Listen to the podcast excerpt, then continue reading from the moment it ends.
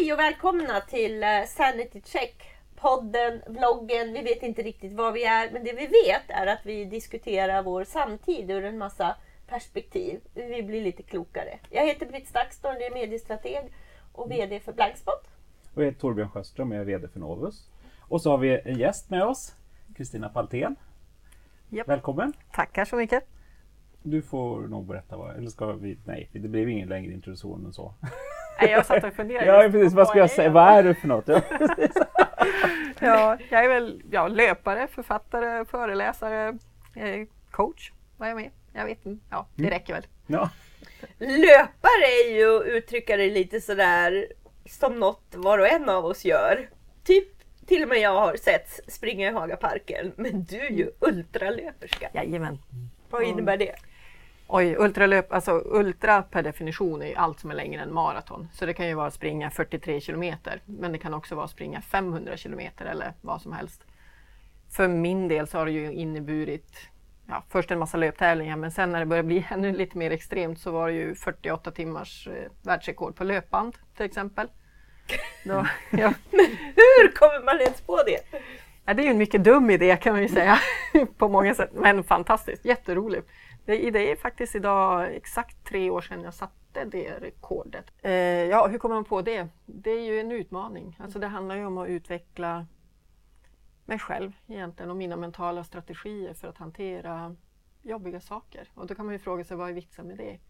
Ja, men det finns ju alltid någonting på andra sidan, någonting jag vill uppnå. Alltså någonting som jag eftersträvar. Och att våga gå igenom till exempel rädsla för att det gör ont, rädsla för att misslyckas, rädsla för att jag kommer att bli trött och så. Det lär mig att hantera min egen mentalitet så att, säga, så att jag får ut det bästa av mig själv. Och det har ju också gett mitt perspektiv på min senaste utmaning som då var att springa ensam genom Iran.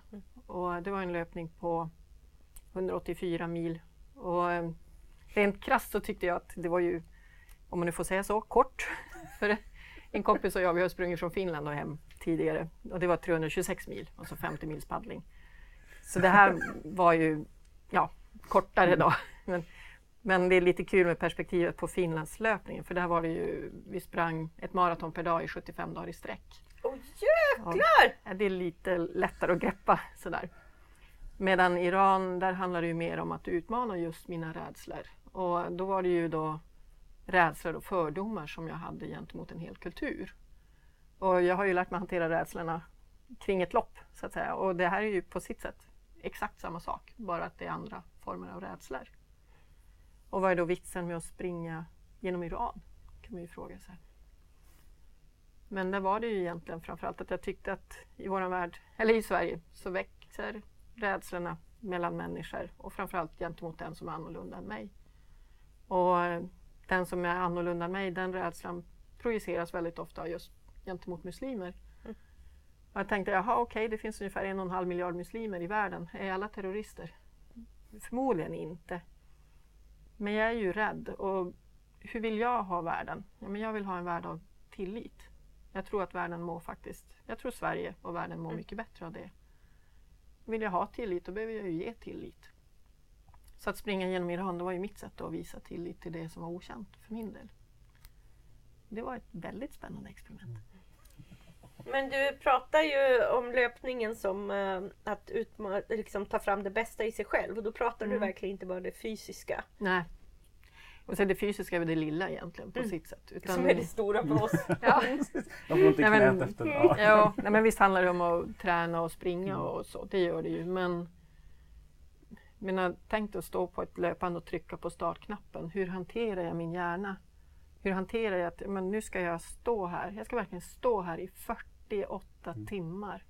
Folk kommer och går och tittar på mig och ser hur det går. Och jag, så jag skiter ner mig i direktsändning. Och, ja, hur, hur fixar jag sånt? Och det är det som är så spännande att se att jag ska säga, kan jag vända mina tankar åt rätt håll? Till exempel så, Ja, för den enkla tanken är ju att stopp, ja, så kliva av. och då kommer jag ju inte uppnå det jag vill lyckas med. Mm. Men visst är det enkelt på sitt sätt, men det kommer ju också ha ett pris, för det kommer att svida. Och eh, jag har inte lyckats då. Men jag tänker när jag hade sprungit 27 timmar så råkade jag faktiskt kasta upp allting jag hade i magen just då. Och den första tanken som kom det var ju shit, där försvann all energi. Nu, nu är det kört. Och är det en bra tanke om jag vill sätta det världsrekord? Nej, den är ju tämligen värdelös. Mm. Så direkt så bytte jag ut den till att ja, men jag har hört att spy det är som att trycka på omstartsknappen. Och jag var ju ganska trött så det här är nog riktigt bra. Och så sen så såg jag till att få i mig mer och mer och mer energi. Dessutom hade jag sett till att en kille var där som är expert på spyor, om man säger så. Så han matade ju mig och jag blev piggare. Och jag sprang faktiskt längre den timman än tidigare för att jag hade just blivit piggare.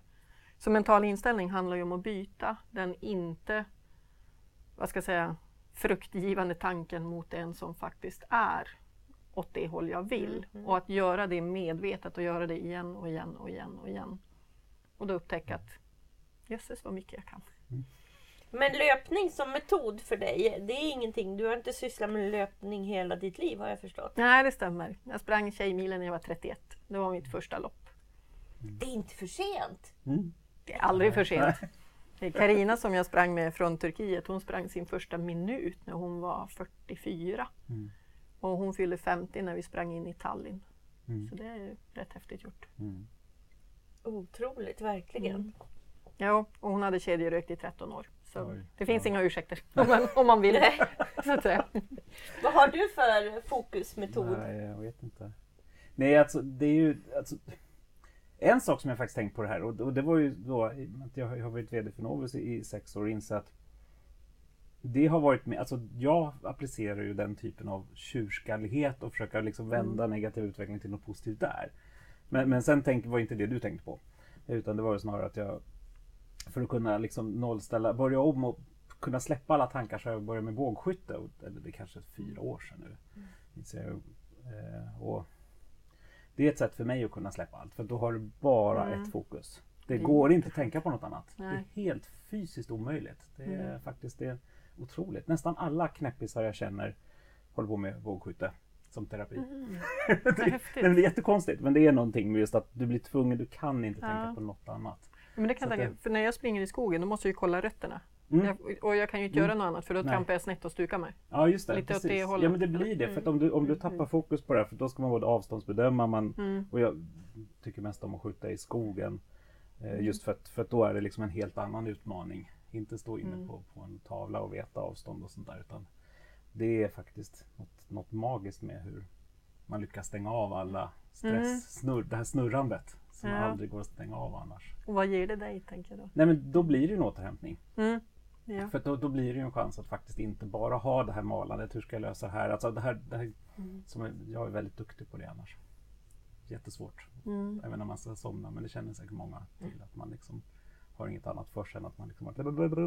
För då är det så, inga störmönt utanför. Men det var mitt, Mm. ett av mina verktyg. Faktiskt. Mm.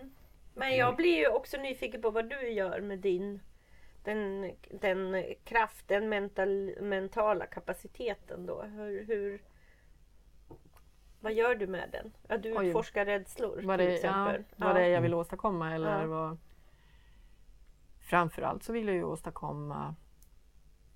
Jag tycker vi har ett fantastiskt fint land. Och vad ska jag säga, jag vill ju att värdering som tillit till exempel ska vara en värdering som hålls högt. Den har ju traditionellt legat väldigt högt inom Sverige. Och ehm, jag tänker brist, alltså rädsla för andra människor, det är ju motsatsen till tillit. Så mm, ja, jag gör ju allt jag kan för att verka för det, vilket innebär Oj, jag håller ju massor med föreläsningar om, om min löpning genom Iran. Sen kommer det ju en bok nu i vår. Och, men eh, framförallt så skulle jag jättegärna vilja påverka den valrörelse som nu kommer igång. Mm. Och det handlar ju inte om partipolitisk färg. Det gör det absolut inte. Utan i min värld funkar det ju så att jag sätter vissa mål och sen jobbar jag för att nå dit. Okej, vi har ett land, vi har Sverige. Vad vill vi att det ska stå för? Vill vi att det ska stå för misstänksamhet, aggression, rädsla? Eller vill vi att det ska stå för tillit, medmänsklighet, kärlek? Till exempel. Okej, om vi väljer nummer två, tillit, kärlek, medmänsklighet. Okej, okay, men hur gör vi det då? Då, då är det liksom bara sätta full kareta och göra en plan och, och nå dit. Det, min värld kanske är enkel, men jag sätter ett mål och sen strävar jag dit. Mm. Och, ehm, vad ska säga, vi har ju en dokumentär också kring min löpning och jag vill använda allt det fina. Du fick lite nycklar där mm. för, för det här som du jo, funderar på nu. Det som var jätteroligt att se i min löpning, det var ju, jag ville ju framförallt påverka här hemma. Och det, det vet jag att jag gjorde för att jag menar, vi släppte en liten trailer inför dokumentären och den har setts av 16 miljoner människor. Sen gjorde The Guardian en video, det är 10 miljoner människor som såg den inom två veckor. Jag blev totalt nerringd av journalister liksom, från hela västvärlden och även öst. Och, så ja, det händer saker, det gör det. Men det som rörde mig nästan allra mest faktiskt, det var att när jag sprang genom Iran så visade det sig att i Iran så, så litar ju inte familjer på varandra, utan man litar till sin familj. Man har en tradition att det är familjen som tar hand om mig. Men nu såg ju de en kvinna som sprang från familj till familj till familj och var trygg var hon än kom. Mm. Och jag blev ju en jättestor nyhet. Jag hamnade på fyra tv-kanaler, jag hamnade i de stora dagstidningarna men framförallt så gick ju om man säger skvallret. jag hade en, en grupp, alltså en, en social mediegrupp på 50 personer som hjälpte mig att hitta ställen att bo på. Och sen ja, en familj som jag fick bo på på det sättet då så att säga. De såg ju så enormt mycket glädje och så mycket stolthet det här spred i Iran. För, att, för det var ju jättemånga i Iran som trodde att jag skulle råka illa ut, att jag skulle dö till och med. Även och, där? Ja. Mm. För det var ju de rädslor du hade med dig? Ja, precis. Jag var rädd för mm. våldtäkt, misshandel, bli mördad, mm. hamna i fängelse, ja, vad som helst. Liksom. Men det var ju även de rädda för. Men nu såg de ju att det här gick ju bra. Så den här familjen en av dem jag fick bo hos, då, han, de, bjöd ju, de hyrde en restaurang, bjöd in alla 34 familjer där jag fått bo. Och så gav de en fest där de bjöd på allting för de ville fira sitt folks otroliga vänlighet och gästfrihet. För de var så glada och stolta över det de såg. Och det här hade ju jag aldrig, aldrig mitt sinne kunnat Nej. tänka. Utan det var ju helt magiskt. Och, och sen på det här festet så gav de ju mig ett brev som är jättelångt och jättefint. Men de slutar, avslutar det med If you as an outsider can trust us then we can also trust each other and be graceful to each other. You gave us a better world and we are grateful for that. Jag menar, läser jag det brevet hemma då gråter jag ju. Mm. men, nej, men det som är så häftigt, mm. det jag tar fasta på där, det är ju att okej, okay, jag vill bidra till tillit. Jag vill göra det i Sverige det som hände var att det blev tillit inte bara i Sverige, det blev tillit i England, i USA, i Kanada, i Australien, Indonesien, i Iran. Som jag aldrig mm. hade för avsikt att påverka och, och den tilliten spred sig ju inte bara till dem jag mötte utan det blev en stor våg som spred sig till miljontals människor. Mm. Och då tänker jag, men kan jag vara med och initiera och skapa ett samhälle med positiva tillitsvågor, med liksom godhet som sprider sig på det sättet utifrån en liten handling. Mm. Men fine, bra. Då har jag gjort någonting. Vackert, något som är värt någonting. Och det är det samhället jag vill bidra med. Och jag vill, vad ska jag säga, det jag tänker på i valrörelsen, det är egentligen lite ifrågasättande. Vad är det vi står för då som svenskar? Vad är, det vi vill, vad är våran identitet? Är vi är vi gästvänliga? Är vi vänliga? Är vi kärleksfulla, tillitsfulla eller vad är vi? Mm. Okej, okay, om vi vill vara det, ja, men hur gör vi det då? Har ni mätt tillit? Eh, Sådana trygghetsfaktorer alltså det, det finns väl lite, på något alltså, sätt? Jag har trygghetsperspektiv och jag tänker mer också på det här att det är lätt att Alltså jag tror att det håller på att ske ett skifte också, att tillit är lika med naivitet nu. Här liksom en mm. tonalitetsskifte mm. som jag tror håller på att ske mm. under, under ganska många år och det, blev, det aktualiseras nog utifrån liksom flyktingdiskussionen. Mm. Just Och nu pratar man att vi har varit naiva. Innan ja. var vi en humanitär stormakt. Mm. Men att vi håller på, det håller på att switchas till att och, och det är inte samma sak. Det är här jag tror mm. att man återigen liksom missar målet. Att, vara, att lita på sina, sin omgivning är inte att vara naiv. Det är liksom, det är fortfarande, man kan fortfarande låsa dörren hemma. det mm. behöver inte betyda, alltså, ja. Och, men, men Det betyder att vi verkligen behöver fler exempel där man Ja, ja, vågar men- utmana ja, men på det här exakt. sättet. Alltså, liksom. man behöver kanske inte, ja men exakt, sen, sen kanske det var på gränsen låter det som. Mm. men, men fortfarande, du, du hade ju gjort, du hade ju planerat innan och du hade ju Mm. liksom, det var inte så att du bara, oj vad ska jag ta vägen nu? Nej. Du hade ju säkert övat på alla sätt och, och Mm. byggt upp liksom allt du kan för att vara så säker du kan utifrån. Jag hade gjort en liksom. riskanalys, jag hade tagit Ja. reda på en massa saker. Ja. Så nej, det handlar inte om att bara Nej, ge men, sig ut. Liksom. nej men, men Nej. jag tror att nu, vi hamnar just nu i en diskussion om att tillit är lika med naivitet. Ja, Okej, vilket Och- är fel. Spännande pusselbit för Ja, dig ja, att ta med är dig i ditt Ja. missionerande. Mm. Verkligen. Men, men det slår mig Jo. nu, ja förlåt. Ja. Nej, men säg du. Nej men Mm. just om man utifrån då när, när flykting flyktingsituationen blev påtaglig i Sverige då var det ju också det, men nu ska vi öppna våra hem. Mm. Här, och här fanns ju kanske då en naivitetsrisk att det skulle Mm. kunna slå över istället. Och samma med, med liksom ti- tiggarfrågan där man, liksom, man, man gick så långt istället för kanske men jag, jag bjuder på, på, min- på, på min tid och min, min liksom, hjälper till så kanske man kanske slog över och hamnade i naivitetsgrejen som sen då slår över till att du kan miss, alltså, det kan missbrukas det här förtroendet. Men jag, jag tror att det, det, vi har någonting i den här ordbetydelsen just nu som, som gör... För att vi är samtidigt väldigt, väldigt trygga kring vår egen situation och vår egen familj och vår egen vänkrets. Där vi är jättetrygga. Det är sen precis på andra sidan eh, horisonten, det vi inte ser. Det är ju där otryggheten ökar. Ja, Och vi behöver inte åka till Iran utan det Nej. räcker bara i Sverige. Liksom. men jag tyckte det är spännande för jag har ju fått kommentaren också att jag är dum, naiv, blåögd svenskt. Mm. Även om jag är brun. Ja. Ja, men, och det är lite så här spännande, men vänta nu. Faktum säger, det är fakta, att jag har sprungit 1840 kilometer genom Iran. Det är faktum att jag har mött ett antal tusen människor. Det är ett faktum att samtliga utav de här har varit extremt vänliga. Var är naiviteten? Alltså, Ja, men, ja men precis. Det, det är det, ju ja. jag höll Ja. på att säga, det är orealistiskt Ja. alltså att säga att det är naivt. Ja, det kanske var en naiv tanke, men de facto visar att det gick bra. Nej, men Att jag, det- jag tror inte att det du gjorde var naivt. Nej, nej, Men nej jag- det var inte det nej, heller. nej, Men, Utan snarare kanske det att, att, att de här, det blir nästan synonymt. mm, jo, och Alltså att, det är felaktigt. Ja, att, det blir, Ja. att det är fel.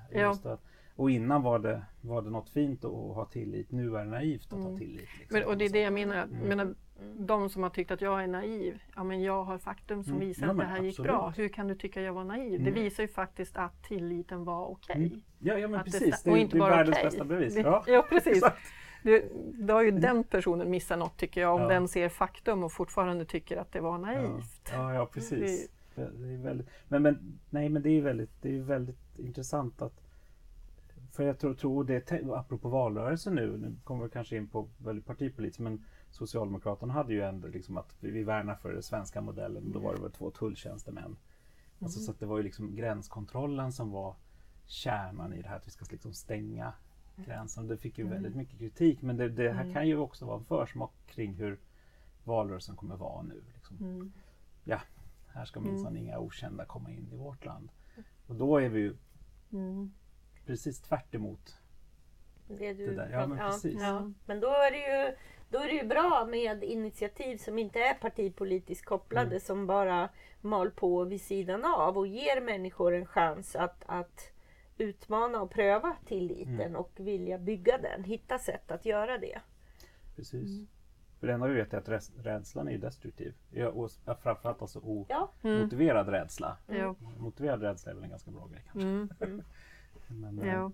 Ja, det är ju spännande för då har vi ju rädsla mellan människor. Sen det jag Mm. fick se i Iran det är ju också då bristen på tillit till myndigheter, Mm. bristen på tillit till rättsväsende.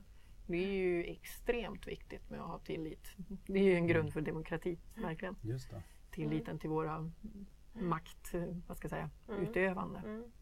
Men eh, det är ju helt tydligt så att just hela den, den trenden runt tilliten till institutioner, till politiker, till eh, medier, till eh, det som bygger upp en demokrati, partiorganisationer och så. Allt det är ju, eh, är ju under hårt tryck just nu också. Det kan man lugnt säga. Ja. Så det är också aspekter som du kan Mm. eh, driva på, exemplifiera, utmana i diskussioner. Liksom. För jag förmodar att din, ditt, ditt mål är inte att vi alla ska ut och springa i, i något inte. utmanande Nej. land. Nej, absolut inte. Jag har fortfarande kvar att göra en specifik målformulering får jag ju lugnt säga. Men det jag vill framförallt bidra till, som jag vet nu, det är att lyfta, lyfta i frågeställningen. Vad vill vi vara? Vad vill vi att Sverige ska stå för? Mm. Sen blir det också, vad kan jag göra? Naturligtvis, för tillit handlar ju inte bara om springa genom Iran till exempel, utan det handlar ju om, ja, kan jag lämna huset olåst? Eller ska jag inte göra det? Eller hur agerar jag som privatperson? Kan jag prata med tiggaren på gatan eller med, med för min del så är det jättesvårt att prata med, vad ska jag säga, högt uppsatta tjänstemän. Det är jag skiträdd för. Men det där är lite roligt att definiera vad är man rädd för. Mm.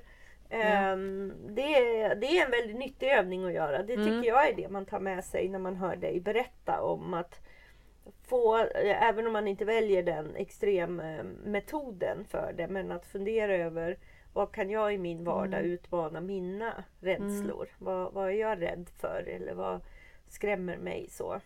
Mm. Och där tror jag för min erfarenhet är ju att där jag har min största rädsla, det är där också det ligger störst potential till utveckling. Alltså för mig som person. Och att jag utvecklas som person innebär ju också att samhället utvecklas. Så att våga ifrågasätta just den där känsliga punkten som jag oftast drar mig för. Det ligger alltid väldigt mycket spännande i den.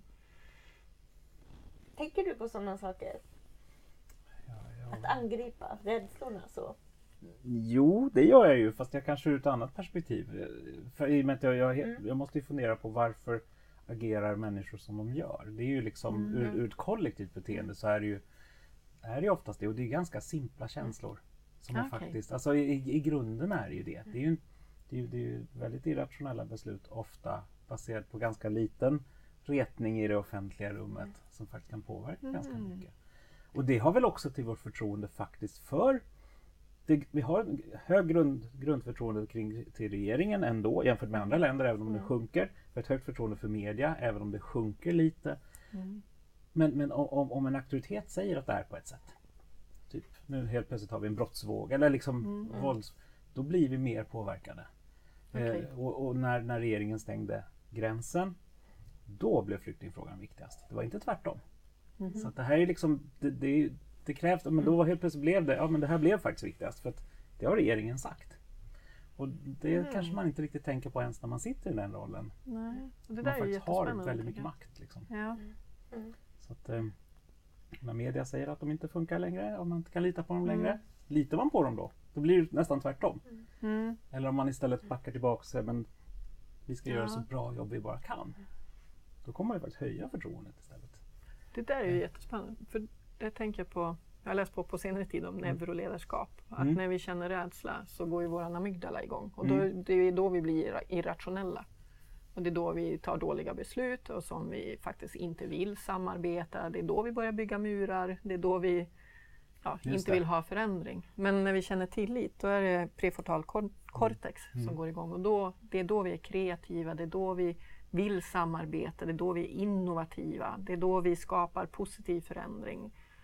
Och, och jag tänker att det där sker ju inte bara i en människa utan det sker, sker även på kollektiv nivå. Mm.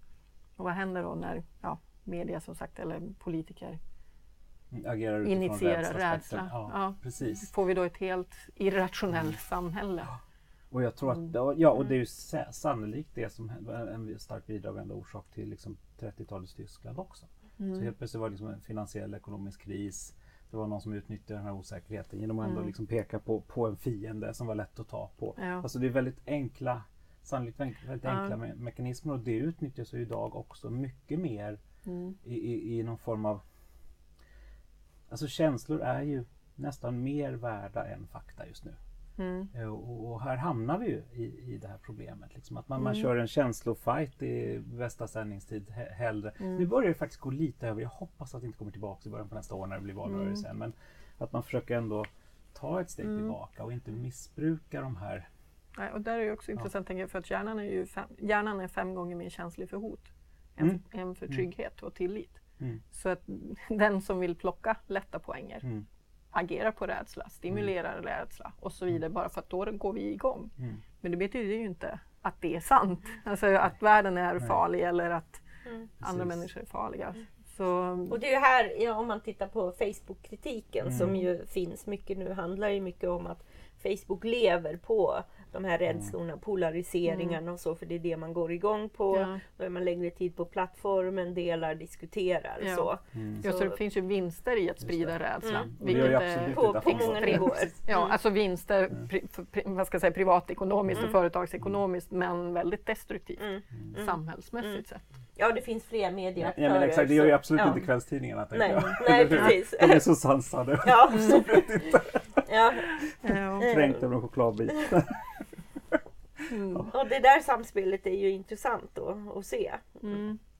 Men jag är väldigt nyfiken på eh, hur man tar klivet från 48 timmar på rullbandet till att se, att, att ta mig igenom det här. Fokuset på de här 48 timmarna leder Mm. till... Att springa genom Iran. Ja, Ja, oj.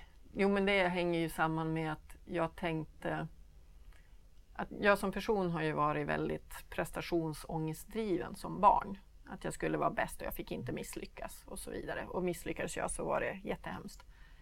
Men drivkraften i att vara rädd för att misslyckas, den gör ju bara att jag blir lite duktig. Okej, jag blir ganska duktig på det, men jag får också magkatarr. Jag, alltså, den är ju inte hälsosam. aldrig nöjda och Nej, massa sådana precis. saker. Mm. Och mår dåligt, rent fysiskt och Mm. även mentalt. Men när jag ställer mig på löpbandet så handlar det om en helt annan drivkraft. Det handlar om, okej, jag vill faktiskt åstadkomma någonting. Visst, jag är skiträdd för att stå, för det måste vara offentligt. Jag är skiträdd för att stå inför en massa människor. Jag är jätterädd för att de ska få se mig misslyckas eller lyckas. Det, ja, whatever är jag rädd för. Men om jag nu vill sätta ett enda världsrekord liksom, i hela mitt liv, då behöver jag ju faktiskt göra det där. Och, och vad händer om jag åstadkommer det? Hur kommer jag se på mig själv? Hur, vad, alltså, det, det fanns otroligt mycket längtan Mm. i att låta mig själv vara så bra som jag är, helt enkelt. För någonstans vet jag ju att ja, men jag kan sätta det här. Ska jag då undvika det? Ska jag, ska jag binda in mig själv i prestationsångest? Eller, nej, jag vill faktiskt få blomma och vara så mycket jag jag bara kan vara. Och det jag upptäckte med, med löpandet, när jag då väl vågade stå där, det är ju inte siffran som är grejen. Det är ju inte att sätta ett världsrekord som är grejen, utan det som var grejen det var ju att det blev 10 000 som följde det här på, via Bambuser, för vi, vi sände det live. Och det blev... Eh, jag fick 481 e-mail efteråt med folk som sa Wow! Men om du kan göra det här, då kan ju jag kanske göra det här. Och när jag stod där på löpband och det närmade sig sista minuterna så det var, ju, alltså, det var ju packat med folk i lokalen. Det gick ju inte in en människa till nästan. Och jag stod där och, jag såg hur de var rörda i ögonen. Och de, alltså de hade tårar i ögonen och folk bredvid mig satte ju egna personliga rekord. Jag vet inte hur många. Det var 68 personer som sprang med mig på 48 timmars rekordet. Och se, men vänta nu, jag gjorde någonting som jag önskade, som fanns i mitt hjärta. Och det som händer då är positiva vågor till människor runt omkring. Och inte bara de som är här rent fysiskt, de som är med via nätet. Wow, vad var det här? Och därifrån så tänkte jag tanken, ja, men jag är en person, jag har Rädslan finns som en drivkraft. Det finns också en motsatt drivkraft, alltså att åstadkomma någonting. Jag mår mycket bättre när jag vill åstadkomma någonting och agerar i den drivkraften än när jag agerar i rädslan. Hur funkar en grupp då? Då jobbade jag på ett bolag och jag såg att vår grupp där jag jobbade var extremt rädd för att rapporten till chefen var för dålig. Om jag rapporterar projektet som rött, nej det får jag inte göra för det vågar faktiskt inte min chef rapportera vidare till nästa chef utan Mm. jag måste markera det som okej fastän det inte är okej. Vad är det för jävla skit? Ursäkta men det är ju, Det är det fel så är det fel. Mm. Det blir inte bättre för att man ljuger om det. Och, så, och det var så mycket rädsla i gruppen och jag började fundera, men vad händer med grupp? Vad händer med en bolag Mm. om den drivs av vad den vill åstadkomma? Mm. Alltså om det verkligen drivs av sin inre kärna, vad är det jag ska åstadkomma här i världen? Och då börjar jag också tänka, men vad händer med ett samhälle? Tänk, vad, är, vad är samhällets syfte? Om, om vårt samhälle drivs av vad vi vill åstadkomma för våra medborgare. Och där gör jag då distinktionen, vad är våra medborgare? Ja, vi har en värld och vi har en människosläkt. Det är där min gräns går. Jordklotet, människorasen. Vad händer om vi tillsammans fokuserar på vad vi vill åstadkomma för människosläktet? För våran värld? För, ta klimathot. Du kan inte betrakta Sverige ut... Alltså, Nej, klimathotet ihop, ja. det stannar inte Mm. i Sveriges gränser eller utanför. Ta flyktingströmmar. Vi har 65 miljoner flyktingar idag. Om FNs vad är det, prognoser för klimatförändringar slår in så kommer vi ha mellan 225 och 600 miljoner flyktingar. Kan vi säga att nej, men det är nog Surinam som får ta hand om det där. Vi skiter i det. Alltså, det går ju inte. Så jag vet inte om det var något svar. Nej, men det var Nej men där svar. föddes övergångarna steg för steg Ja. till och så lämnade du. Du jobbar inte alls med då. Nej. nej, jag insåg att jag trivdes jättebra där jag jobbade. Mm. Men Nu fick du nya ja, möjligheter. om jag säger jag har ett liv. Det finns Mm. mycket jag vill åstadkomma. Mhm. Ska jag ägna det åt att rapportera projekt på fel sätt? Mm. Eller ska jag använda det till att åstadkomma något? val. Det var väl enkelt på sitt sätt, men, Ja. men svårt också. Ja. Det, men jag har bra mycket roligare. Mm. Ja, men det är det ju. Det, för där, ja, där kommer ju rädsla för pengar. Ja, ja, precis. den är ju ganska, det brukar vara den största stötestenen för många. Jag vill göra det här, men hur ska jag försörja mig? Mm. Och då säger jag, gör det du drömmer om så löser det sig. Ja, jag, bara kom att tänka på, jag fick faktiskt en fråga, en sån här liten, något, något nätverk jag var med om, så skulle vi alla svara på om du visste att du inte skulle misslyckas, vad skulle du göra då? Mm. Och jag tyckte frågan var helt absurd. Fast det Ja. som konstigaste var att det bara jag som tyckte att det var helt absurd. Okej. Men varför helvete, vadå? Man måste väl utgå från att man kommer att försöka göra allt för att lyckas. Ja. Du kan ju inte, du kan ju inte sitta och hindras av, och det var då jag kom att tänka på det här med mina rädslor, Mm. men, och då slog det mig att nästan alla i det här rummet, och det var faktiskt bara VDR, verkade styras av sina rädslor istället. Ja. Det var helt obegripligt för mig. ja. Jag har inte, jag har inte, men jag har inte tänkt så. Nej. För att det går, då, då kan man inte göra någonting. Men vad ska jag då leva för? Nej, men exakt! Ja. Nej, men det var jättelustigt och det slog mig då. Då, var, för, då Ja. tänkte jag ungefär som med projekt, Mm. att det är så jättemånga som snarare undviker motstånd Ja. eller undviker kritik Mm. än faktiskt gör det man tror på. Och vad får du för utveckling då? Ja men ingenting. Sen får Nej. man, å andra sidan får man inte så mycket skit heller. Nej, Så att det, det är väl något jag, jag råkar ut rätt mycket för. För att jag Ja. hela tiden tar, liksom, tar position. och visst är det ju så. Ja. Men då får du ju leva livet i ett litet hörn. Liksom. Ja men exakt, precis. Men det var, det var verkligen en aha-upplevelse för mig när jag insåg att det var ingen annan som tyckte frågan var konstig. Nej. Men det var lite jobbigt om alla drivs och har det Nej men alltså, det var bara jag som reagerade. Vi var Mm. 15-20 personer. Det var många. Mm. sen- Och det är jättespännande för då tänker jag vilken potential ja, men exakt. finns inte där. För om jag säger, jag som prestationsångest, jag kan vara bäst i klassen i nian. Mm. Wow, jippi! Eller, Ja men men jag, när jag satsar på vad jag vill åstadkomma, då sätter jag världsrekord. Mm. Eh, Ja, ja, det, och, jag, och jag når 28 miljoner människor. Mm. Alltså genom min löpning. Det är ju, menar, det är ju milsvid skillnad. Då är jag ju här uppe någonstans. Mm. Och den potentialen, tänker jag, det finns i varenda människa. Det är upp till Mm. oss att använda den. Och det handlar jätteofta om att gå igenom rädslan för att nå dit jag vill vara. Mm. Sen vet jag att det finns människor som inte är rädda. Till, Ja, men, som nej, kanske men, du då. Ja men jag är jätterädd men det, bety- det behöver inte be- man behöver inte hämmas av det. Nej, Alltså, precis. är Det, väl- får inte styra. Nej, det är väl Det- det, som är grejen. Det är, inte- det, Ja. det är inte så att man är helt orädd. Mm. Det, tror, det tror jag nog ingen är.